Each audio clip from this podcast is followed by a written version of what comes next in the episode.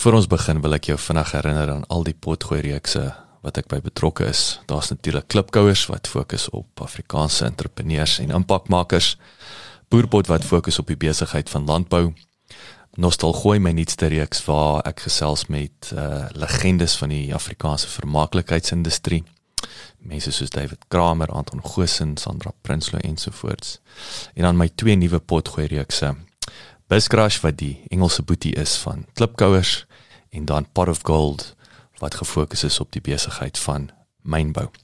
As jy in Pretoria is, kom maak gerus 'n draai hierop by ons plek uh, in die R21 Corporate Park genaamd Bouma at 21 waar ons 'n kafee het, ons het co-working space, ons hierdie uh uh um, raadsaal uit en my ateljee is hier. So as jy is, kom drink gerus 'n koffie en kom sê hallo. Nommer 7 Media Produksie.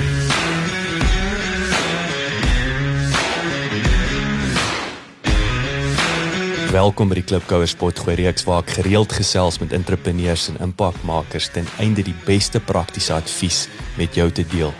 Ek is jou gasheer, Jacques Passon. En onthou om in ons nuwe besigheid van landbou potgooi reeks genaamd Boerpot te luister. Laat die wiele rol.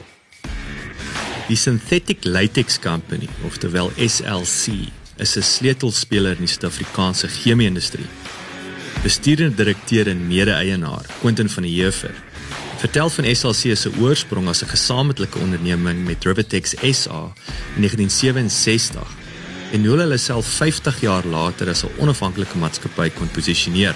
SLC spesialiseer in die vervaardiging van latex polymere vir die verf, konstruksie, papier en bord en mat en tekstielindustrie en het uitgebrei na chemiese verspreiding, geïntegreerde pakhuise industriële skoonmaakdienste, tolvervaardiging, grootmaatstoor en stofonderdrukking.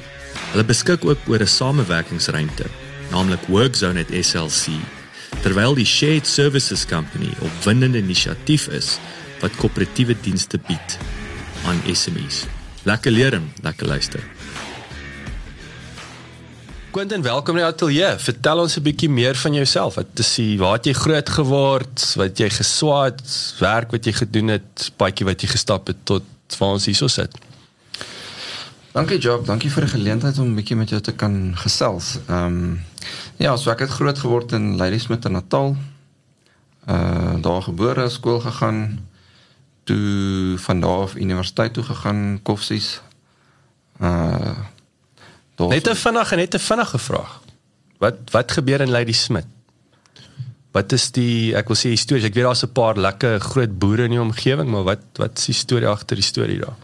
Ja, ek dink lank terug daar's eintlik redelik industrie daar, maar ek dink die primêre ding daar was maar 'n ehm 'n um, spoorweg hub geweest, so daar klomp 'n uh, uh, spoorweg uh, lyne daar by mekaar gekom en ja, so dit was 'n redelike was so spoornet was 'n groot was 'n groot werk skepper. Ja, absoluut. Ja, my pa was 'n treindrywer geweest, wow. so ehm um, meeste van die mense daar het maar een of ander uh connection gehad met die spoorweë. En dit is nou dood eenvoudig om om goed wat uit Durban in die hawe uit en vice versa uitvoere invoere, is dit nou maar so daai strategiese ligging met Natal of nie noodwendig nie. Ja, ek weet ek weet nie presies nie. Ek moet sê ek het toe ek toe ek jonk was nog nie vreeslik belang gestel in Ja, maar dis dis waar is die kafee waar jy games kan gaan speel? ja, absoluut. Okay, so so okay, so is daar uh, gebore en getoe en toe uh, Bloemfontein toe. Ja, toe Bloemfontein toe, toe BSc daar gaan swat, 'n bietjie gespartel met my graad daarso. Ehm um, toe Hoekom hoekom BSc? Is dit nog altyd 'n passie gehad vir uh, wetenskap? Chemikalie daai tipe van ding. Ja, ek was nog altyd lief vir wetenskap, ek was nog altyd nuuskierig geweest, super nuuskierig. Jy het goed opgeblaas met ander woorde. Goed opgeblaas, weet by die huis 'n bietjie uh kan onthou een keer met my chemistry set vir my verjaarsdag 'n chemistry set gekry. En daar so 'n botteltjie violet daar so in wat ek toe nou warm gemaak het oor die ou Bunsen vlammetjie en toe het hy teen my muur ontplof. O my jewel. maar ja, altyd nuuskierig geweest. Ja. Ehm um, en toe ja, toe aan die begin 'n bietjie 'n speed wobble gekry met my graad, toe 'n bietjie gaan werk by Dunlop Tires weer terug in Ladysmith. Hoe so jy jy tyres daar gehad? Is dit is dit soos in 'n fabriek of was dit die main hub vir Dunlop? Wel, dit is hulle dit is hulle passenger ehm um, fabriek gewees. Ek sien. al die al die Dunlop passenger tires was daar so gemaak. Alright, okay. Ehm um, en industrial tires het hulle of earth movers het hulle gemaak in Durban en passenger in Ladysmith en nog steeds. Okay. O, so Dunlop is nog steeds in in in Ja, is nou net 'n brand, so is nou al oorgekoop deur Sumitomo Rubber, 'n Japaneese company. Ehm um, hulle is nog steeds daar, en nog steeds baie sterk. Okay. So 'n bietjie in die tyre bedryf betrokke geraak. Ja, toe betrokke geraak daarso. Ag maar dit was basically soos vakansiewerk en toe nou weer teruggegaan Koffsies toe en tot in my tweede jaar gegaan van my BSc. Toe dan op my weer genader en gesê wel wil ek nie daar kom werk nie. Of of die koshuislewe was dalk net te lekker, nê, nee, en en uh, te gevaarlik en jou ouers het gedink sal beter wees. as jy as jy gaan werk, is is goedkoop. Ek actually my my toekomstige vrou daar's ontmoet toe besluit ons nee, dit gaan 'n goeie idee wees om te trou, so ek het, ek moet beter begin werk. Okay, jy moet jy moet jy kan nie saak geld laat kan kan dit. Ja. So ek het altyd gesê ek wil nooit terug aan Ladysmith toe nie en dit was my eerste job in. Ladysmith. Dit is terrible. So toe terwyl ek nou werk daarso by Dunlop, toe ek nou my graad klaar gemaak deur Unisa, nog steeds 'n koffie graad gekry. Daai stuk het 'n bietjie langer gevat as anticipated, so ek is 'n baie experienced chemist. Goed afgerond. afgerond. Ja. En toe daarso by Dunlop so rukkie gewerk, toe het ehm um, ons het 'n bietjie werk gedoen vir vir Carbochem wat uh uh wat rubber supply het aan Dunlop en Okay. al die al die tire ouens. Is dit is 'n Amerikaanse man wat was Carbochem op daai stadium? Dis Afrikaans. Well, Carbochem op daai stadium toe ek hulle leer ken was dit eintlik Dow Chemicals geweest.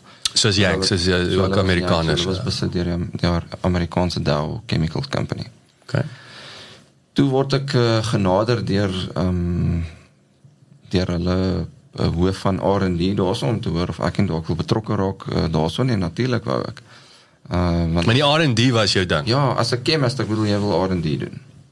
As jy gaan uh BSc swat of as jy in die wetenskappe ingaan, jy wil R&D doen. Maar in Suid-Afrika is daar nie baie R&D nie, so ek het toe nou die geleentheid aangegryp. Sê toe ja, nee, sure. Ehm um, dis toe nou in Newcastle gewees. Hulle het 'n hulle het 'n fabriek in Newcastle. Toe nou daar redelik baie research gedoen op uh um, op verskillende polimere en hulle applikasies in tires en verskillende rubber compounds. Ek ek onthou jy het my 'n storie vertel een keer wat daai was half so 'n departement wat 'n clean slate gehad het. Dis soos in wat doen ek nou? Ja, Dis soos in jy, jy is nou R&D jy is die R&D departement en, en, ek dink Ja. jy het iets sê jy moes die ou en sê okay, wat doen ek nou? Ja, dit was dit was 'n bietjie vreemd geweest want um, toe ek by Dunlop gewerk het, daar was hulle baie tens oor jy moet heeltyd bietjie doenig wees met iets. Ja. word, tel iets, meet iets, doen iets. Ja. Uh toe ek nou daar by Carbochem aansluit in R&D en ek weet nie regtig wat om te doen nie. So hulle sit my daar en ek sê, "Okay. Sit ek Wat nou? Wat moet ek nou? Nou doen. Ja. Wat se training is daar? Nee, daar is nie regtig training nie. Ja, okay.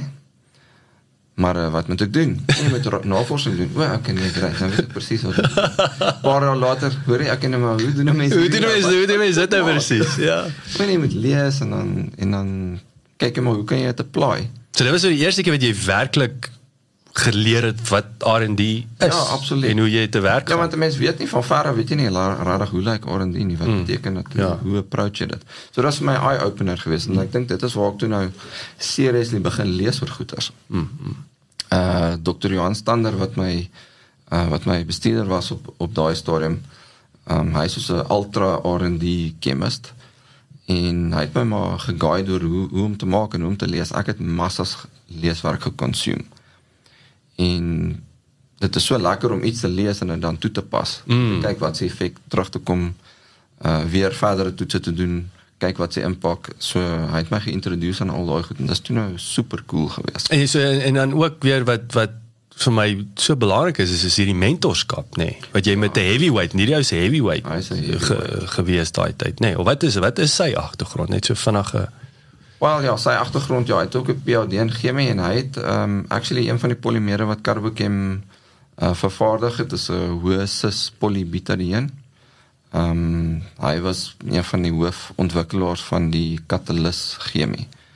Uh vir daai dis 'n baie stereoselektiewe polimeer. So sê net gou vir die vir die klipkouers wat se polimeer wat is uh, 'n Polimeer is basically maar net 'n 'n klomp uh klein molekuulietjies wat aan mekaar geheg word om 'n groot molekuul te maak. Soos ehm um, uh polybutadieen is 'n uh, ehm um, butadieen klomp 1,3 butadieen molekules wat aan mekaar gesit is uh deur 'n katalis om vir jou 'n verskriklike lang ketting te gee. So butadieen is 'n uh, vier koolstofketTINGS en die polimeer is honderde duisende van daai van daai molekules wat aan mekaar gesit is. En hoekom wil jy hulle aan mekaar sit? Sodat hulle sterker is want butadieen is 'n gas. OK. So dan word dit 'n fisiese stof dan. Dan word dit 'n fisiese. Ah, OK. Maar soos plastiek. Ek verstaan. So hoe meer hoe meer jy aan mekaar sit, Ja. hoe meer solid word hy. Ja ja, sure. OK. Soos uh, etieleen is 'n gas, polyetieleen weet julle is 'n plastiek. Ek verstaan. Ek verstaan. Um, so ja, dit is maar net om dit sterker te maak en dan afhangende van hoe jy die die mikrostruktuur of die struktuur van die polimeer ehm um, uh, manipuleer kry verskillende eienskappe in die polimeer uit. Jy het vir my 'n uh, fascinerende want ek wil nou ek wil nou stout wees en ek en ek dink daaraan my vangenoot uh, Wouter Basson. Ek dink ek aan die atoombomme en jy weet in back in the day in in ons chemiese agtergronde, maar wat interessante ding is wat jy genoem het Ehm um, of ek dink dit was een van die onderhoude wat ek ek weet nou net ek kan nie onthou nie. Dalk een van die onderhoude wat ek gehad het met een van julle kliënte. Dink dalk Duncan wat gepraat het wat ek vir hom gevra het in back in the day hoe wa, hoe sterk was ons Suid-Afrikaners in in terme van ons ons ons wetenskaplikes, ons chemie, ons R&D to say ons was baie sterker back in the day want ons want jou oorseese maatskappye kon nie departemente hier vestig nie so hulle het net uh, amper soos joint ventures die altyd gedoen met ons Ja. wat ons ouens weer toegang gegee tot Ja. die grootste R&D departemente in die wêreld en daai kundigheid van die Amerikaners en die en die Europeërs en so aan nê nee. Ja, absoluut. So so dit dit is my fascinerend geweest dat ons 'n werklike leerskool het gekom met die partnerships met die einste maatskappye wat wat nie wou hier so ek dink ook hulle wou nie vestig hier nie nee, oor apartheid Ja, en so aan so dan het hulle maar net JV's gedoen. Ja. So is dit is dit nou maar histories waar ons ons kundigheid het en dit dit oor dit oorgevloei in ons universiteite selfs as jy nou moet terugkyk. Ek bedoel is is ons wetenskaplikes vandag is hulle nog wêreldklas. Ja, ek dink so. Ek dink nie ons hoef enigstens terug te staan nie. Ek dink ehm um, daar's 'n geneigtheid in Suid-Afrika nog altyd gewees om te dink, o, die mense daar oor see is great. Ehm um, en ek dink nie dit is die geval nie. As jy begin op 'n op 'n diep wetenskaplike level interak met die ouens van oor see, ek dink jy hoef enigstens te is is, is jou ewig nie. Dis jou ewig nie. Hmm. So ek dink die mense hoef enigstens te voel uh, minderwaardig te voel teenoor die oorseese maatskappye nie. Hulle het natuurlik baie meer resources, maar ek bedoel die individuele resources is ek wil amper sê baie keer sterker in Suid-Afrika as baie van die wat ek al teëgekom het oorsee. So ek dink nie ons hoef enigstens uh, minderwaardig te voel nie. En en en en in terme van universiteite ek ek ek weet ons het 'n bietjie tekort dink ek aan ouens wat uh, chemiese ingenieurs wees en en, en so aan swart behalwe dat dit in elk geval ehm um, ek dink selfs in ons tyd net was uniek is ou aktuariël of of chemiese ingenieurswese of is moeilik. Waar is die beste universiteite vandag? Is daar is daar is daar departemente binne universiteite wat uitspring vandag se tyd? Mm, wel ja, ek weet nie regtig nie. Ehm um, ek ken nou maar obviously koffsies uit die chemie oogpunt, nie chemiese ingenieurs soos in die chemiese. Ehm um, wat 'n bietjie verskillend is van chemiese ingenieurswese. So koffsies, uh, ek ek dink elke universiteit het sy eie sterkpunte. Ehm um, So jy gaan nie 'n one-stop shop kry. Nee. Soos ek ek ek dink as jy polimeerchemie wil studeer, as ek dit reg het, is Stellenbosch redelik sterk geweest altyd veral in in coatings en sulke tipe van goeters. Ehm um, Koffsies was organiese chemie redelik sterk geweest, ehm um, karakterisering van verskillende organiese ekstrakte uit uit plante weet ek het hulle baie navorsing op gedoen. Uh, Potchefstroom het nou weer hulle eie spesialiteite. So ek dink elke universiteit spesialiseer maar in hulle eie uh, nicheveld Yes. in, in die in die chemie chemie bedryf. dryf. So jy toe R&D wat wat was eh, as jy as jy moet terugdink in daai tyd wat het, jy ietsie uitgevind? Het jy nou jou navorsing doen? Ek wil sê wat is daai eerste wen vir jou gewees in in in in jou nuwe departement? Ek dink dit was 'n particular wen geweest, nie, maar dis maar 'n klomp klein goedjies, so dis nie noodwendig een massive groot ding nie. So nou ek het toe ek daarso was het ek baie tyd spandeer aan ehm um, die impak van verskillende polimeer eienskappe op die eienskappe van bande van tyres. So een van die polimere wat ons op gewerk het was uh, 'n 3,4 polyisopreen wat spesifiek gedesign was om vir goeie wet grip te gee. Nou uh in die bandebedryf is daar soos 'n magic triangle van properties uh wet grip, rolweerstand uh, en wear. Mm. En ek sê die een verbeter raak die ander slegter en so so ek het regtig baie tyd spandeer om te probeer kyk hoe kan 'n mens die loopvlak compound optimaliseer vir die drie eienskappe laat jy al drie beter kan kry. So jy jy's veilig in die water, jy kan lank jou tyres gaan vir paar duisend kilos langer hou as die ja. ander een en wat is die derde een dan? Die derde een is rolweerstand wat maar basically kan vinnig ry. Well it boils down to brandstofverbruik. Natuurlik, so natuurlik. beter die rol of hoe minder die rolweerstand hoe beter is jou brandstofverbruik. Okay. Dit het maar baie te doen met die polymeerstruktuur en die filler interaction met die met die polymers en en sulke goeie so. Dit was baie interessant geweest. So ek het baie werk op dit gedoen. Maar dit daai klink ook vir my tyres. As ek dink nou ek nou lief is ek's nou lief vir Formule 1 en en en tyres is kompleks, nee, en dis 'n ding wat net ewig revolving is, wil ek sê. Dit is baie kompleks, ja. Ja, ek dink mense is geneig om te dink, "O, ek het ook altyd so gedink jy gooi 'n klomp rubber in 'n mold en hy pres dan daar's 'n tyre." Mm. Maar ek dink as ek reg onthou vir my Dunlop daar 'n tipiese basic passenger tyre het omtrent 22 verskillende komponente wat ja. mekaar gesit word, almal met verskillende tegnologie. Ehm um, elkeen met met 'n rede hoekom hy so is. Ehm um, so kan net een rubber nie, ons baie verskillende tipe rubbers en uh tekstiele wat daarin is. Uh, obviously almal weet van die staal wat daarin is. Daar's baie tegnologie in 'n band. So jy's nou in jou R&D departement, Carbo came in. Wat gebeur toe? So toe ek daarso by R&D was, is nou baie interessant geweest, maar ek het al hoe meer begin rondvroetel by die by die aanleg uh, waar hulle die actual rubber gemaak het. Ek het dit toe nou baie interesting gevind. Weet hoe, hoe kan 'n mens die aanleg 'n bietjie optimaliseer? Hoe kan hulle dit beter Begin jy nou na die besigheid se geheel kyk? Wel, op daai stadium nog nie regtig die besigheid is 'n geheel nie, maar meer die operations. Okay. So nou uit die lab uit die implementasie van die van die ja, van die van die van die, van die navorsing. Ja. So dit was toe nou baie interessant vir my. Begin toe nou involved raak by die plants. Uh, al hoe meer en nie baie lank daarna nie toe toe ek gesê deur my my bestuurder op daai stadium wel die die tegniese bestuurder in die Sasselburg aanleg want Karboke het ook 'n aanleg in Sasselburg gehad. Hy gaan aftree en hulle soek iemand om te replace. Wil ek dit nie gaan doen nie asseblief. Ek sê nee, dankie vir my. Ek het in die Castle Sasselburg is nie my value. Dis nie. Ja. Hy sê toe wel Jy Sassel geken op baie stadium. Dis nou jammer jy moet maar gaan. Ja, ja ek wou sê ek het ekskuus ek het jou nie gevra nie. ek het gesê tyd vir 'n het jy geweet insetsel. Sasselburg is 'n groot industriële spulpunt in die noorde van die Vrystaat. Die metropool is in die 50er jare ontwikkel om behuising en ander fasiliteite te skep vir Sassel 1. 'n Loodsaanleg om olie uit steenkool te raffineer as gevolg van 'n tekort aan petroleumreserwes in Suid-Afrika oor sanksies. Politieke verwikkelinge in die laat 60er en vroeë 70er jare, in besonder die handelsverbod teen die apartheidsbewind, het die werking van die loodsaanleg 'n prioriteit gemaak vir die destydse regering. Dit het later aanleiding gegee tot die ontwikkeling van Sasol 2 en Sasol 3 te Sekunda in die laat 70er jare. Wel, nee, ek het nie Sasol goed geken nie. Uh, ek ek dink actually voor daai opgekom het, was ek nie eers een keer daar nie.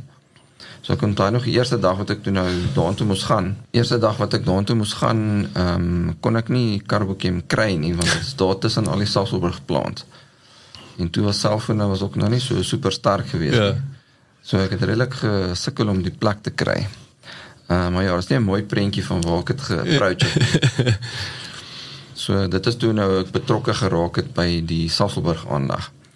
Ek het toe nou op daai stadium met ek so so 2 3 dae 'n week Sasselburg toe gegaan en nou maar so probeer uh, inslaat daar. Ehm um, ek dink ek het dit seker vir 'n jaar lank gedoen. Ek dink nee, dit gaan nie werk nie. Ons sal maar moet relocate met mamma en almal.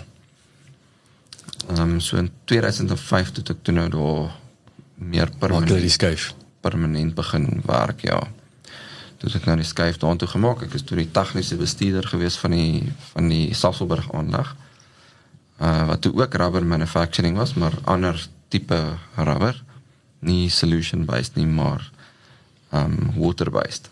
Okay. Een van die ander klein aanlegte waar dit toe nou ook was wat deel was van die van die groep is uh, SLC, the Synthetic Latex Company. En dit is toe nou ook betrokke geraak het by SLC. So kom ons spring ek wil daar's ek weet daar is is fascinerend is jy weet daar's so baie goed wat jy vir ons kan vertel, maar ek wil 'n bietjie klem lê op waar die entrepreneuriese gogga. Ek bedoel, waar het jy hierdie behoefte of besef, luister. Ek ek die feit dat jy al klaar na die operations begin kyk het en in in die hele jy wil sien hoe alles werk. Waar daai gogga gebyt. Ek sê weet jy wat ek ek ek like besigheid. Ehm um, en ek weet ook jy het later uh, uh het jy MBA so vertel ons ook 'n bietjie meer daarvan. Maar ja, wanneer waar daai besigheidsgogga gebyt? Ek dink dit het vir my gebyt met die met die met die introduction tot SLC. Ek dink dit is waar dit vir my interessant geraak het. Toe ek begin het daarso in 2005, ehm um, toe die desydse um, tegniese bestuurder vir my gesê, "Wel, hierso maak ons rubber." Daar's ook 'n klein latex plantjie, maar hy gaan binnekort toemaak, so moenie veel worry daaroor nie. Nie 'n kop breek daar nie. So Die klein latex plantjie is SLC. Die klein latex plantjie is SLC. Ja, want hy bedoel hy is soos 'n tiende van die rubber aandag gewees. Het toe nou nie meer verskriklik gesteer aan SLC nie. Maar op daai stadium ehm um, kort nadat ek daar aangekom het ehm um, of actually net voordat ek in Salzburg aangekom het, het die het die ehm um, Carbochem bestuur uh, die die Carbochem aan aanlegte including SLC uitgekoop by Dow Chemicals. Maar Yanks is nou op pad, né? Nee? Hulle het onttrek. Yanks is toe nou ja, hulle is toe nou weg. En op daai stadium was SLC nog 'n joint venture met Revertex geweest wat 'n wat 'n Durbanse um latex manufacturing company was. En in 2005 toe die bestuur van Carbochem uh ook die shares van Revertex uh, uitgekoop om dit wholly owned te maak deur die, deur die Carbochem Holdings. Toe hulle dit toe nou gedoen het, toe het ons op 'n stadium so 'n strategie sessietjie gehad en gesê hoor jy ons het nou hierdie latex plant Nou wat maak ons nou met hom? Gaan ons hom nou toemaak of weet wat maak ons met hom? Sê toe wel, okay, daar seker nou twee maniere om te kyk daarna, soos kan tegnologie van buite af gaan kry. Uh in met daai aangaan en en dit manufacture wat ons toe nou eers mee begin het, want dit is 'n maklike manier. En dit is hoe rubber ook maar was, tegnologie van oorsee. Bietjie begin vroetel met dit, maar dit was complicated geweest en dit was duur geweest toe besluit ons op 'n stadium nee, weet jy wat, kom ons probeer dit eerder self doen laat ons ons eie tegnologie verstaan want die, op daai stadium die tegnologie van SLC was van oorsee van die van die UK af, die original die styreen butadien tegnologie. Soos nee, ons verstaan daai tegnologie nie baie goed nie. Maar as jy ons eie nie, kom ons maak dit ons eie. Mm. Want ons is mos goeie researchers. Mm. Dit is mos maklik. hoe, hoe moeilik kan dit Hoe moeilik kan dit wees? dit kan baie moeilik wees. so toe spring ons weg met met dit en ek dink dit is waar dit toe nou vir my interesting geraak het. Hoe bou ons hierdie ding van 'n klein struggling companytjie wat op die punt staan om toe te maak. Hy maak nie geld nie, hy maak actually losses. Hoe kry ons die ding laat hy nou kan profitable wees ja. en en hoe kan en, en ons verstaan alles van hom. En ek dink dit is dit is baie interessant vir my gewees. En ek dink dit was uh, hoe meer ek involved geraak het met dit, hoe lekkerder was dit vir my. Ek dink dit is dis 'n dis maar 'n passion van my, seker maar enige entrepreneur om om iets te vat en iets van dit te maak. Mm. Iets, dit either beter te maak soos SLC of iets heeltemal nuuts te doen. Dis fun. Mm mm. mm. En ek dink dit is maar waar die gogga my gebyt het. Um, want ek het al hoe meer involved geraak met die besigheid is 'n geheel. Ja, later ehm um, met die operational deel, nie net tegnies nie. Ehm um, en nog later met die bemarkingsdeel, die die sales en marketing deel wat vir my as tegnies 'n bietjie weird was. Mm. Uh en toe nog later meer die besigheid as 'n geheel, hoe om die besigheid te groei. So jy praat nou van sales wat vir jou weird was is 'n tegniese. Wanneer het jy toe besef of besluit luister jy gaan 'n bietjie jou besigheid ehm um, acumen acumen krag ek dit nou daar. Ehm um, bietjie met opskerp. Ja, ek dink uh, soos 'n mens meer involved raak met die goed en jy nie in jy agterkom dat jy nie weet regtig wat gaan aan nie.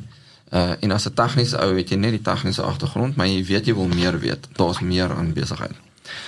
Toe ek uh, op 'n stadium interessant genoeg nogal vir Johan Stander, uh, Dr Stander was nog steeds my manager op daai stadium. Sê dit vir my shocks nie, ek dink ek moet 'n MBA doen. Nou hy sê die tegniese ou, hy sê nee, man doen eerder 'n 'n M en 'n PhD in chemie. Mm. Dis nee, ek dink ek wil eerder 'n MBA. Ja. Want ek wil 'n bietjie meer weet van ja, besigheid. Ja.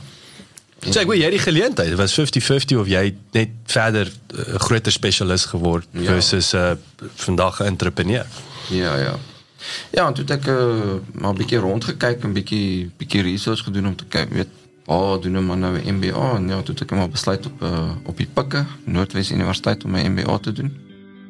Tyd vir 'n het jy geweet insetsel. Die Noordwes Universiteit se besigheidskool bied sedert 1979 professionele nagraadse bestuur en besigheidsopleiding aan in Suid-Afrika. En die skool se MBA kwalifikasie word wêreldwyd gereken as toonaangewende besigheidsopleiding. Dis 'n geakkrediteerde kwalifikasie wat die nodige toerusting bied om sukses te behaal in die sakewêreld.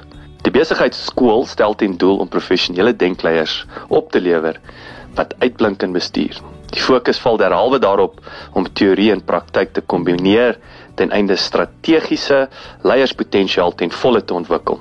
Die besigheidskool het 3 leweringspunte, naamlik in Potchefstroom, Mafeking en Vanderbijl. Wat was een van jou ek wil sê redes van die belangrike redes hoekom jy hulle gekies het? Wel, ek dink omdat ons omdat ons in Sassel, Sasselburg is, is die Noordwes Universiteit wat nou in Potchefstroom is, was die proximity was belangrik. So dit was relatief naby en ook hulle het 'n kampus in Vanderbijl Park. Hmm. Uh, Dis klipgooi, klipgooi van jou af. Ja, klipgooi van ons af. So in die aande, ek dink was maande aan of dinsdae aande het 'n klas daarso gehad.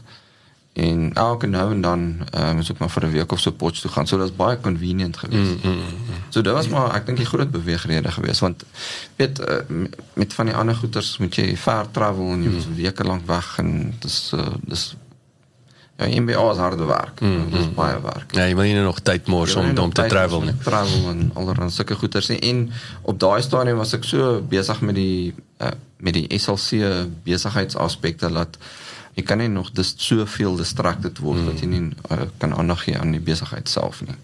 So as jy sê dis dis intens MBA's is intens en en maar jy voel wat interessant was nee jy sê dat baie van daai die die vakke uh, daar was inhoud wat vir jou die ligte laat aangaan het. Ja, ek dink so letterlik elke vak ehm um, Ek dink dit seker maar soos enigiets maar dit is maar wat jy daarvan maak. Hmm. Maar ek kon letterlik uit elke vak at least 10% uitvat wat ek sê yes, hierdie is direk applicable hmm. op ons besigheid. Yes, yes. Elke vak is applicable op jou betrokke besigheid en ek dink dit is so vir elke besigheid. Mm -hmm. En die ander mense wat in my studiegroep was, dink ek het soortgelyk gevoel.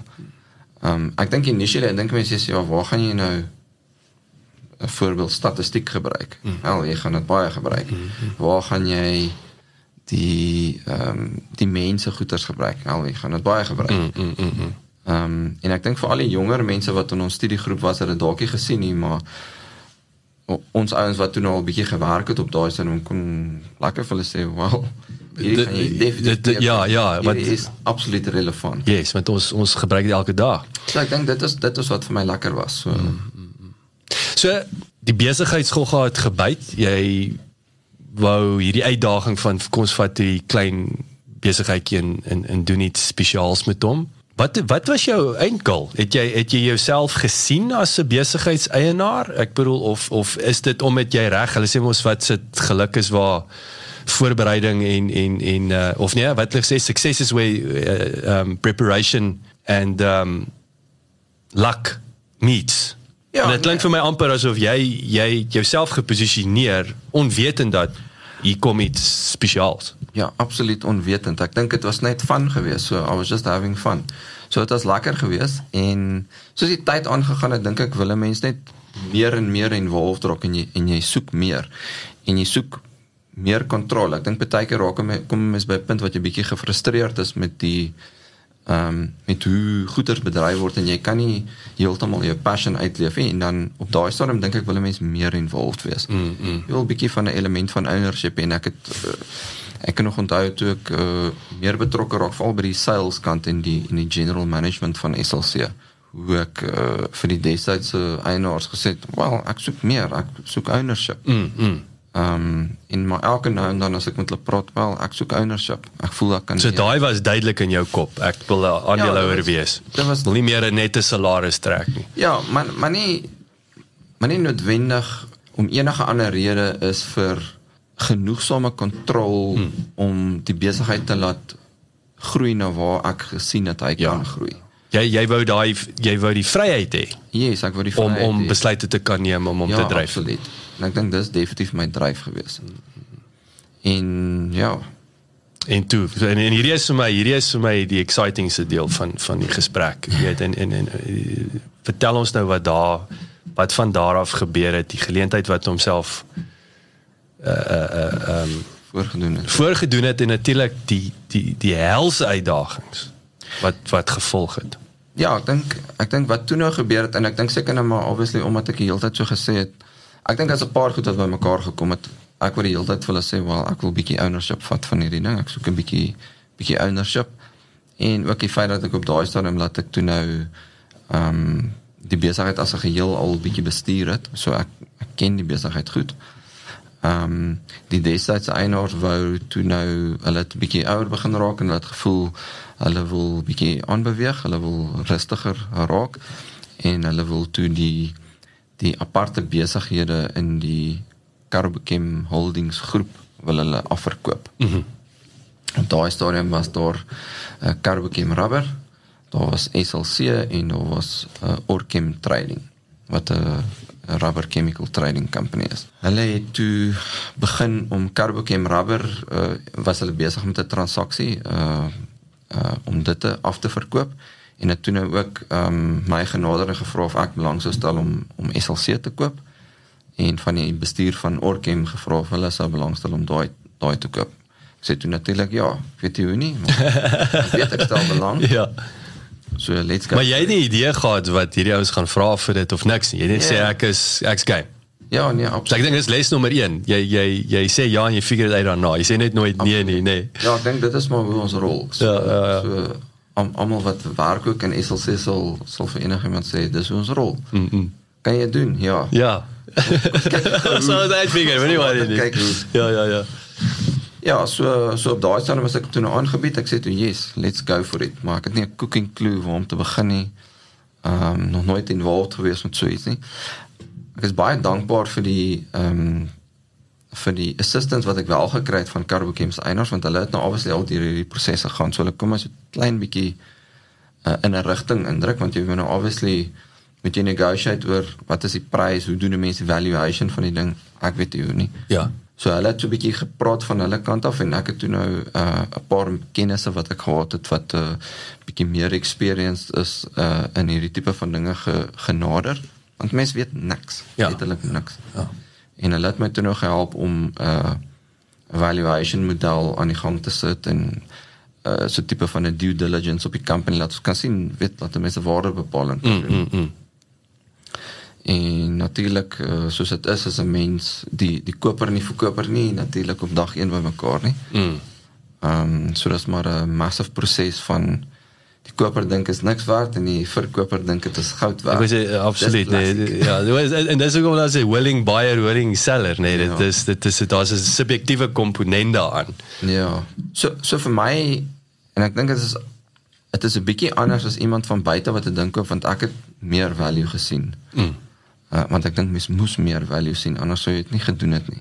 Ja, want dis hoekom hierdie ouens ontslaaf wil raak van hom. Hulle het Ja. nie die value gesien nie. Eenvoudig soos dit, nee. Basically ja. So mens moet daai value kan jy moet die bigger picture in die in die long term ehm um, strategie moet jy so half in jou agterkop hê om te sê ja wel okay hierdie hierdie waarde wat ons op ge ehm um, op besluit het of ooreengekom het aan die einde ja dit kan werk. Yes, yes. Toe nou heel wat meer jy geskrik toe jy toe die bedrag Ja.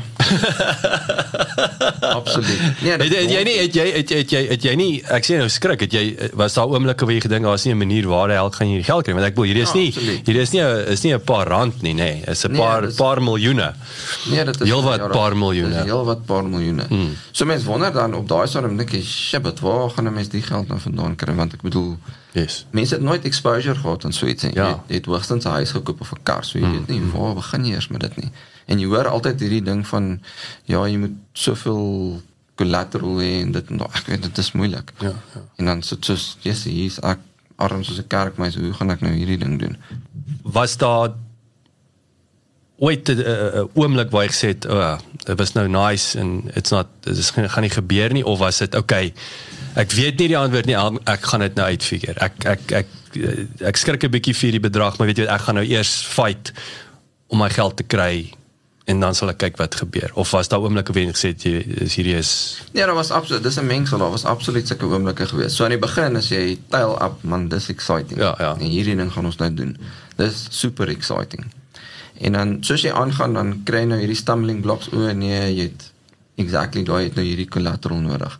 Of jy daai nodig, jy het nie dit nie. Die banke wil jou nie, die groot die groot banke wil jou nie help nie. Hulle soek 'n besigheid wat perfek is. Hy moet omtrent hulle is so ris riske vyf keer hulle ehm um, hulle risk cover. Ek bedoel dit is moeilik, so hulle wil nie die risiko vat nie. So deur deur 'n paar kennisse het ek toe nou iemand ontmoet wat ehm um, redelik experienced is met mergers and acquisitions en hy het my toe nou gehelp om 'n klomp banke te nader, onder andere ehm um, een bank wat hy mee gewerk het is eintlik 'n ehm um, subsidiary van Investec gewees, Reichmans Capital. Ehm um, hulle doen toe nou eintlik mezzanine financing, soos eintlik maar net ehm um, hulle doen nie regtig acquisition financing nie. Maar ons gaan praat toe nou met hulle, praat met hulle MD.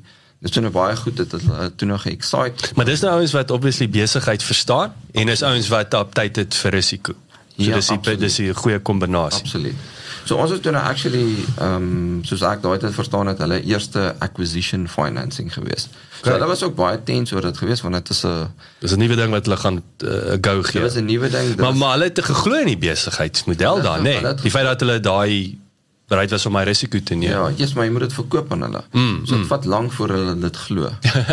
Ehm um, so jy moet dit regtig verkoop aan hulle. Ehm um, maar ja, hulle het dit toe nou eventually gekoop en hulle was baie supportive. Maar weer eens nie vir die volle bedrag nie, weet, daar's oor die ou probleem. So ja, ja, ja, nee, as kan hierdie ding doen lekker. Ja, maar ons kan net soveel doen. Die res moet jy elders anders opkom. Wat is 'n persentasie toe nou? Wat wat kort jy toe nou? Mm, was omtrent so so kwart Wat jy nog kort. wat ek nog kort. Okay. Wat ek toe nou moes sê. So maar dis nou nog ek wil sê dis nog meer pynlik want jy's nou letterlik in die pyl as hulle nog gesê het ons gee jou derde dan kan jy sê ah oh, well. Maar jy's so naby Yes, dit met 3 close. kwart. Dink jy, yes, jy kan nie hierdie ding los nie. Ja. Dit is nou enticingly close. Jy moet hierdie kan doen op 'n manier. Ja. Maar dit ook, dis nog baie miljoene wat meeste ouens nie in, in jou in jou bankrekening het, mm -hmm. in jou overdraft nie. nee. so, toe moet ek nou figure waar die inkry mens nou hierdie geld. Ehm um, en dit is nou maar waar ek toe nou moes gaan investors soek om te probeer kyk wie aan wie kan ek nog hierdie konsep verkoop mm. om te investeer in in hierdie besigheid en Yes. help om die ding te finance. En uh een van die die eienaars van Carbochem het toe nou my geapproach of ek het hom geapproach. Gesê waar hy sê hy nie belangstel om 'n bietjie te help hak nou nie vir 'n share. Hy het toe nou besluit hy gaan helfte van die van die res sal hy Cover. sal hy cover en Het was dit 'n maklike verkoop omdat die ou die industrie verstaan? Was dit nog steeds tricky? hy was my baie goed gesind so ek dink dit was daai ene was relatief maklik geweest. Maar so hierdie is verhouding gedrewe. Hy het jy het jou gedrewe. vertrou. Hy het ja, ek ek en hy het 'n baie lank pad gekom. Okay. Uh, so dis nou weer eens daai die belangrikheid van vertrouensverhoudinge, né? Ja, wat absoluut. wat dit gaan ek wil sê dit gaan verder as as as besigheidsplanne. Ja, absoluut. Ek dink uh, hy kon oor die jare kon hy sien die die idees wat hom wat ons as 'n span gedryf het en, en waartoe ons beweeg. So ek dink hy het geglo in die in die future van dit. Mm -mm. Was ook skepties, maar ek dink hy het oorwegend geglo dat dit kan werk. Yes. Uh okay, so dan het ek nou obviously nog geld geshort. Ek toe nou moes rondskrob en ek het uh, ons het 'n uh, besigheidsrelationship gehad met 'n uh, oorseese maatskappy, Egiptiese maatskappy. En ek het actually vriende geraak met die eienaar van hierdie maatskappy. En deur hierdie hele proses, ek het hom ook maar baie as 'n mentor gebruik en as 'n klankbord, want hy's 'n baie groot besigheids uh, man in in Egipte. Hulle is 'n baie powerful familie daar met baie besigheidsinterest. En soos ek maar met hom met, met hom gepraat het oor die goed en vir hom gesê, "Jessie, maar hier het ek nou hierdie issue, hoe kan 'n mens nou maak hier?" Het hy op 'n stadium gesê, "Nou wel, um, hy sal hy sal ook bereid wees om te investeer in hierdie maatskappy." Ehm um, so hy was my ook super baie goed gesind geweest. Maar nou maar maar die tema wat vir my weer interessant is, as ek dink aan aan Dr. Stander, jy, jy behalwe dat die man net die geld gebring het of of soos hulle die smart capital, nê. Nee. Maar nou het jy weer jy het weer mentors, ja. entrepreneurs, ouens wat die game verstaan. So jy het, jy het die beste van van klomp wêrelde hierso, nie net geld nie. Ek dink ek dink Ja, ja, dit ek dink dit werk nie. Ek dink jy Ja, kan net vir jou 100 absoluut. miljoen gee en hy het nie 'n klou wat daar aangaan nie. Dit is dis nie ideaal nie. Nee, dis glad nie ideaal nie. Ek dink ek bedoel, ek wil nou nie klisee gebruik nie, maar niemand se eiland nie. So het nodig om jou te omring met mense wat uh, wat jou kan help uit 'n mentorsoogpunt, mense wat jou kan help in jou besigheid, weet die mense wat vir jou werk. So niemand kan ek dink iets jy kan seker tot 'n mate op jou eie redelike entjie kom, maar jy kan nie baie ver kom nie. yes, yes. En dan het jy sulke mentors en mense om jou nodig uh, wat jou support. En so daar is so nou die eerste obstakel. Is ons het die geld. Ja. En wat gebeur toe?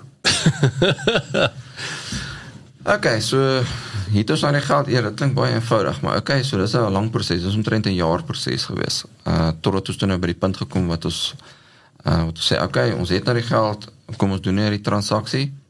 Okay, nou het ons SLC. Great.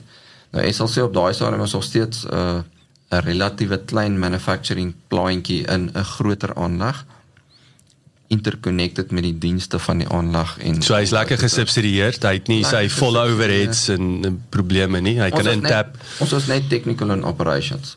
Dis al Is wat nie ons is nie 'n full-on besigheid nie. Mm -mm. So HR, ehm um, logistics, daar's klomp goed wat nog steeds gedoen was deur ehm um, baie van ons financing was nog steeds gedoen deur Carbochem mm -mm. as 'n diens, want hulle het nog steeds geoperate. Yes. Uh ons groot uh monomer supply en goeders, hulle het die kontrakte gehad met hierdie suppliers. Uh hulle het Kon lekker ingebring. lekker uh, onderhandelingskrag Ons het ensovoorts ja, ensovoorts. Ons het 'n kontrakkie met hulle gehad om by hulle te koop. So hulle Yes. koop by die groot ou, ons koop 'n bietjie by hulle man. Waar jy andersins glad nie die produk sou kon aankoop nie. Exactly. Fantastiese deal. Mm. En toe letterlik uh, so dit was in November 2017 gewees. En hier in Maart, April 2018 toe het Carbochem die verkoop van die rubberbesigheid wat hulle mee besig was deur die mat geval en hulle sê toe nee, hulle gaan nou maar operations staak. O, so hulle is, hulle gaan van verkoop na ons is nou ons is nou Hulle klaar. hulle maak nou boeke toe. So, Oei. dis toe nou super alarm klokkies. Ehm um, so in die bestek van 'n paar weke moes ons toe nou rondskrop om relationships te establish met hierdie suppliers, Suppliers, die monomers ja. en uh klomp Maar as jy kan julle nie julle besigheid kom tot te stil staan. Ja, Andersins. absoluut. So toe is dit nou absolute chaos, baie kort. En jy weet natuurlik net na acquisition want baie van dit is self-finance. So die besigheid het dit ook 'n gedeelte gefinance, groot gedeelte. Hmm. So sy cash flows en sy kas in. kas toe. Ja. Al Hy moet nou hy moet nou trade, hy moet daar uit trade. Hy moet uit dit uit so al jou projections, al jou planne wat jy gemaak het is soos soos ek vanoggend vir jou gesê het, man jy het 'n plan tot jy in die gesig Tot is word. uh, dan het jy nie meer plan nie, dan moet jy dan Ja. moet jy dan moet jy nuwe goedertjies Ja. uitdink gego. So ja, toe moes ons nou al die rela- relationships probeer establish. Die Carbochem mense is negatief, alles val in mekaar daar rondom. so hulle hulle nou genoeg en hulle het nou Nee, hulle- hulle, hulle hulle, genoeg. nou wil nou is alles suur. Nou is alles hier. Okay, maar anyway, ehm um, ons kom toe nou deur daai initial stap het weer ons het toe nou op daai stadium darm kontrakte gehad met Carbochem vir die verskaffing van dienste. Ehm um, dit sluit nou in al die HR goed en al die ek dink ons 'n lys van 18 dienste gewees. Ons het dink ons het 3 of 4 redelike lywige kontrakte met Carbochem gehad Yes. uh, vir die vir die acquisition. So hulle moes dit toe nou obviously honor. Okay, so hulle moes julle nog Nee, wat ja. wat is wat is wat soos wat? Wat wat wat was daai dienste wat As soos ek sê, hulle het ons uh, human resources so dit was maar payroll Hulle daai tipe van. debtors, creditors, Okay. Ehm um, shirk. Hoe lank was toe nou wat is jou tydlyn toe nou? Ek bedoel want dit is nou nie indefinite wat hulle dit moet honor nie. So Wel, daar was daar was twee dele. Die een was uh supply van utilities en sulke goeder. Dit was 'n lang lang kontrakte geweest. Dink daai opsaggingstyd was iets soos 5 jaar, so dit was oukei. Okay. Die ander was so 6 maande opsaggingstyd. Maar soos dit toe nou aangegaan het in Carbochem toe nou opgehou het met operations het, en en hulle al wat hulle toe nou oorgehad het was hierdie dienste wat ons hulle vir ons betaal. En dit al hoe meer complicated geraak en ons het nou maar so een vir een self maar van die dienste begin. In-house, in-house ja, in-house so dit het maar net nie lekker gewerk nie. Maar julle was okay nou. Ek bedoel julle was- alright. Julle julle is aan die trade, die suppliers is uitgesort. Ja. So julle is uit die julle is uit die uit die blok uit. Ja, ons was 'n Soort van. uit die blok uit. Ja, ons was maar 'n bietjie van 'n gestrompel geweest, maar ja, ons is uit die blokke uit. 'n Paar slegte besluite geneem in daai 2018 jaar, maar anyway. Ehm Wat wat deel 1? Ekskuus. Deel 1. Wat wat Oog, wat om ja, nie te doen Ek, ek nie. dink een van die een van die primêre goed wat om nie te doen nie is uh kommoditeitspryse so ons inset kostes gaan deur die dak. Mm, kom ons support ons kliënte deur dit te absorbeer. Mm, Wow. Terrible idee geweest. So, So julle vat die vat die ons vat die punch. Dit was baie noble, maar dit ons amper gesink. ek hoor jou. So So as ehm, mens- ek dink mens moet regtig maar probeer om responsibly te trade en seker te maak dat jy altyd genoeg um wins maak om jou kostes te cover. Mm. Don't be a hero. Ek dink dit is nie goed vir jou of jou kliënte mm. in die lang termyn nie. Ah, so dit was 'n definitiewe neermis geweest. Okay, so hulle het toe nou uh uh van die dienste, so julle het van die dienste nou begin in-house uh, ja. bring en en uh, julle is uit die blokke uit en toe wat wat gebeur toe daar? Daar daar was nog 'n verrassing of twee of wat Ja, ag ja, dit is maar basically soos uh, dit voel die hele tyd of jy nou net lekker op jou bene kom en dan slat nog 'n wave jou plat. En dan as jy net so die water uit jou oë uitgeveer, dan slat nog 'n wave en dan lê jy op die sand soos 'n gestrande walvis. Ehm um, so Hoe het jy gevoel op daai stadium? Was was daar Nee, geen was daar geen spyt uh, nee, deur daai daar was proses? baie spyt geweest. Maar het jy self, selfs hier op baie punt kom jy sê ag nog iets is dat jy nou nog uh, iets, ja. is aan sê is maar is nou maar net human nature wil ek sê jy jy jou jou jou goeie dae en jou slegte dae Ja, en jy moet nou maar net deurdruk. Ja, ek dink wat lekker was is ek was daarmee alleen geweest en dit is so veral die die Exco team en ons hele management team het almal hierdie passion gehad vir En hulle het nie gevlug gedurende Nee, alles nie. hulle Ek wil nie. dit dit dit sou nou die kersie op die koek gewees het. Nie Is is een die helfte van die ouens bedank het of iets. nie een mens het gevlug nie. Sure. So almal het gerise to the occasion, so dit was Sure, eintlik sure. amazing geweest. So ek is baie dankbaar vir dit. So on, ons almal het nou maar as 'n span deur hierdie goed gewerk. Yes. Was amper soos 'n SLC teen Carbochem scenario op 'n stadium. En so, soos hierdie dienste nou so een een begin weggaan en net die utilities oorgebly het. Ehm um, het Carbochem toe nou gevind dat hulle sukkel om te operate sonder uh, die inkomste van SLC, kan jy dit nou glo? Vir die vir Die stief die stiefkind is toe nou nie die stiefkind. Die stiefkind moet toe nou die spulletjie support op 'n manier en dit het toe nou daai soos ons het nou meer in-house gevat het, het dit toe nou nie goed gewerk in besigheidsmodel vir Carbochem. Mm, mm. So hulle niks inkomste begin genereer. Ja, en hulle besluit toe nee, hulle dink hulle hulle wil nie meer aangaan met die spulletjie nie.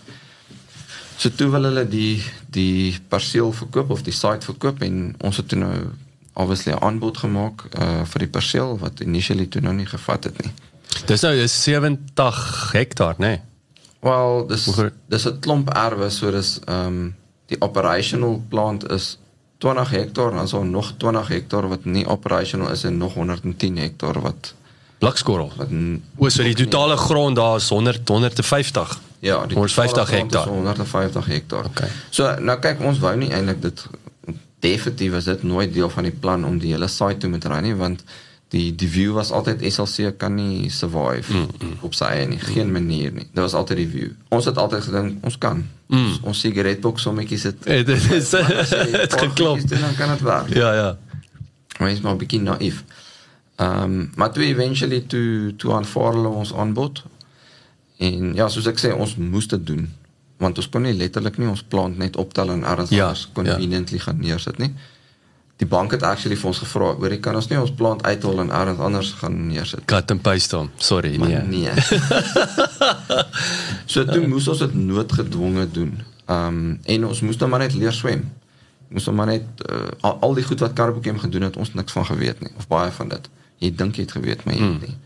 Tot jy dit self Ek wil sê dit klink dit is 'n tipiese uh, werk as jy vir 'n salaris werk, nê. Nee. Ja, jy daag op in die komputer, werk en hy sit aan in die sagte ware. Ek dink nie eintlik daaroor. Jy jy hoef nie, jy weet 'n worry oor al die ander goed wat wat die masjien maak werk nie. Jy worry nie oor air emission licenses nie, jy worry nie oor oor uh hoofwaterlyne wat bars nie. Jy weet Big Brother doen dit maar. Ja, ja. Jy jy worry oor niks van daai goed nie. Jy worry oor legislation nie, want alles is in plek. Yes. Nou skielik sit jy met hierdie ding, jy moet dit goeie self doen, jy moet dit self uitfigure. Ehm um, ons ons uh, die site gee ook dienste aan aan 'n neighboring company ACI Mining. Ehm um, dis 'n groot verantwoordelikheid. Hulle hulle demand maintenance van van die uh, die hulle elektrisiteit supply kom daardeur hulle hoofwater supply. So jy moet dit goed maintain, die stoom. Ons weet van dit niks. So Yes. yes. nou ons moet natuurlik al daai kontrakte ook oorgedra het na ons toe. Soos helse leerkurwes gewees hier. Massive leerkurwe en by the way, dan moet jy nog jou primêre company Ja, ek wil net sê, ja, uit- want jy van die bank wil Ja. terugbetaal word. Die bank wil terugbetaal word. Hulle soek nie van hierdie, hulle wil nie jou pyne hoor nie. Ja, ja, ja. Hulle wil hulle geldjies terug hê. Mm. So dit was incredibly strenuous geweest en dit het ongelooflik baie strain op op al ons mense gesit. Ehm um, ek dink is ook psychologically straining geweest vir die mense want al weet ehm um, al die mense is geretrench by Carbochem ehm um, weet dit is net nie 'n negatiewe vibe. negatiewe vibe oor die Mm, algemeen. mm, mm, mm. So ek dink ek dink ons as 'n span het ons goed gedoen om die mense positief te hou. Mm, mm. En so ja, ek dink ons is uh, ongelooflik geseënd geweest om deur hierdie hele spulletjie te kon trade. En en ek wil sê ter opsomming, dit is 'n suksesvolle losstaande besigheid vandag. Absoluut. En uh, jy het nou die dag vir my en ek ek ek weet nou nie op die spot sit nie, maar uh, julle het die bank terugbetaal. En hoe lank ek sê wat was julle ek bedoel dit dit vertel ek wil sê dis die opsomming van die storie nee die die suksesverhaal. Julle het hom wat nou so 3 jaar wanneer lank het dit nou gevat? Ja, so 'n bietjie meer as 3 jaar, so 4 jaar. So uh, gewoonlik as jy my so banklening vat, jy kan jy kan jy het nie eintlik langer tyd. Ja, dis dis dis dit alles nie niks. nie. Ja, ja, ja. So dit kos bietjie meer as huis, maar jy het baie minder tyd om dit terug te betaal. Mm. So dis nogal hulle maak dit nie vir 'n man maklik nie, mm. maar ons ons het dit reg gekry. So ek dink ons is ten minste klaar met daai. Ehm um, so ja, ek dink dit is 'n dit is 'n oorwinning op sigself. Mm, mm, mm. Uh, ek dink die die challenges wat ons gehad het in terme van die site of nog nog steeds het is om hierdie site nou sustainably te kan operate want jy moet seker maak dat hy homself kan dra. Ja, het nou hierdie en jy het jy sê jy het nou hierdie helse s- overheads addisionele goed wat jy nou moet kyk en hy moet nou maar daai en en ek en ek wil daar daar afsluit Quentin dit dit dit klink soos 'n speelgoedboks hierdie wat jy gekoop het want hier's al hierdie opwindende nuwe geleenthede, nuwe stukke toerusting wat jy het. Ek dink dan byvoorbeeld aan julle uh soja een van julle presses nê. Nee. Kyk ja. na sojaboon pres en en en veral met paar wille boere daar in die omgewing. Ehm um, so jy, dit dit klink vir my of jy dan absoluut in ekstase is in in terme van die geleenthede wat jy het over and above die die die die kernbesigheid. Ja, ek ek dink so. Ek dink is maar ehm um, ons sit daar met 'n groot hamer so ons soek spykers om in te kap. Mm. So en, maar dit interestingly vat dit nogal tyd sodat ons 'n lang tyd gevat om uit te figure wat kan ons doen met hierdie goed. So so dan moet jy maar met jou netwerke en die en die uh die mense waarmee jy self omring nou maar kyk waar is daar raakpunte in die industrie wat jy nou mee involved is waar jy kan help. Hoe kan jy iemand se lewe beter maak met die equipment en die die resources wat jy daarso het? Ehm um, so ja, ons het, het toe nou 'n paar goed geïdentifiseer soos die presses wat eintlik vir rubber gebruik was wat toevallig uh uh oil presses is. Daar's twee van hulle. Ehm um, die distillasiekolom wat ons het, ons kan daar klomp goed met solvents doen. Ons is obviously um, goed met solvent uh hantering. So ja, daar uit daai uitkom daar dan nou klomp geleenthede ehm um, wat 'n mens kan uh, probeer aanvat om om te help om sustainable te bly. En natuurlik julle het julle het die co-working space want julle het 'n helse gebou daar wat wat ou administratiewe uh, kantore weer eens daai om daai gemeenskap en en en besigheidsgemeenskap te nurture. Julle het shared services, nee, so julle bied nou payroll aan en en Ja. vir so gee ons net 'n snapshot van hierdie hierdie besigheidsdivisies wat nou uitgevloei het. Ja, ek dink ek dink baie van dit is born from scratching your own itch so so een van die companies wat ons het is industrial cleaning company wat nou maar ons uh die die verpakking wat ons gebruik om die latex in te verkoop om dit self uh te recover van die kliënte en skoon te maak en te recycle, te reuse. Ehm um, dan het ons soos jy sê die die co-working space, ons het kantore daarso. So ons wil ons bied dit aan mense om om te kan gebruik, maar tot 'n groot mate ook om interaction tussen entrepreneurs te hê. Dit is lekker ek ek wil nou nie networking woord gebruik nie, maar dit is lekker om te interact met mm. like-minded mense. Mm, mm. Um, dan kry jy interessante vars idees wat jy kan apply. Uh, ons het 'n chemicals trading company want ons het die behoefte gehad aan dit. Ehm um, die shared services wat jy van praat. Ehm uh, dit was eintlik 'n company wat ons lank terug al begin het. Weereens uit daai scratching your own itch. Weet as jy 'n klein maatskappy is, jy het nie jy kan nie 'n resource aanstel vir elke ding wat jy het nie. Jy moet dit jy moet dit half pool saam met ander mense. Mm, mm, mm. Ons kan nie ons eie payroll departement en ons eie HR en ons eie legal ouens en ons al daai goeders nie. So toe ons dan kom ons pool dit saam met ander mense en ons fraction dit. Mm, mm, en dit mm. werk vir ons goed. Ons gebruik self. Mm, mm, mm. Obviously shared services company. Ja. So ja, die die gedagte is maar om om like-minded entrepreneurial mense te help. Mm. En ook op ons site, ek dink een van die goed wat ons graag wil doen is om entrepreneurs wat besighede wil begin, veral operational besighede, om vir die geleentheid te skep om dit daar te doen. Ons wil mm. graag 'n manufacturing hub weer establish in die Valdriehoek. Uh, want ons is nogal passionate om die Valdriehoek te um te support. Mm, mm, mm. Um en al die resources is daar het nie nodig. Dis nie 'n greenfield projekie, so jy kan net inplug daar um, by die utilities wat ons reeds het. Ons het 'n goeie elektriese um stelsel daar. Ons het baie elektrisiteit available. Ons gaan nou 'n solar plant opsit.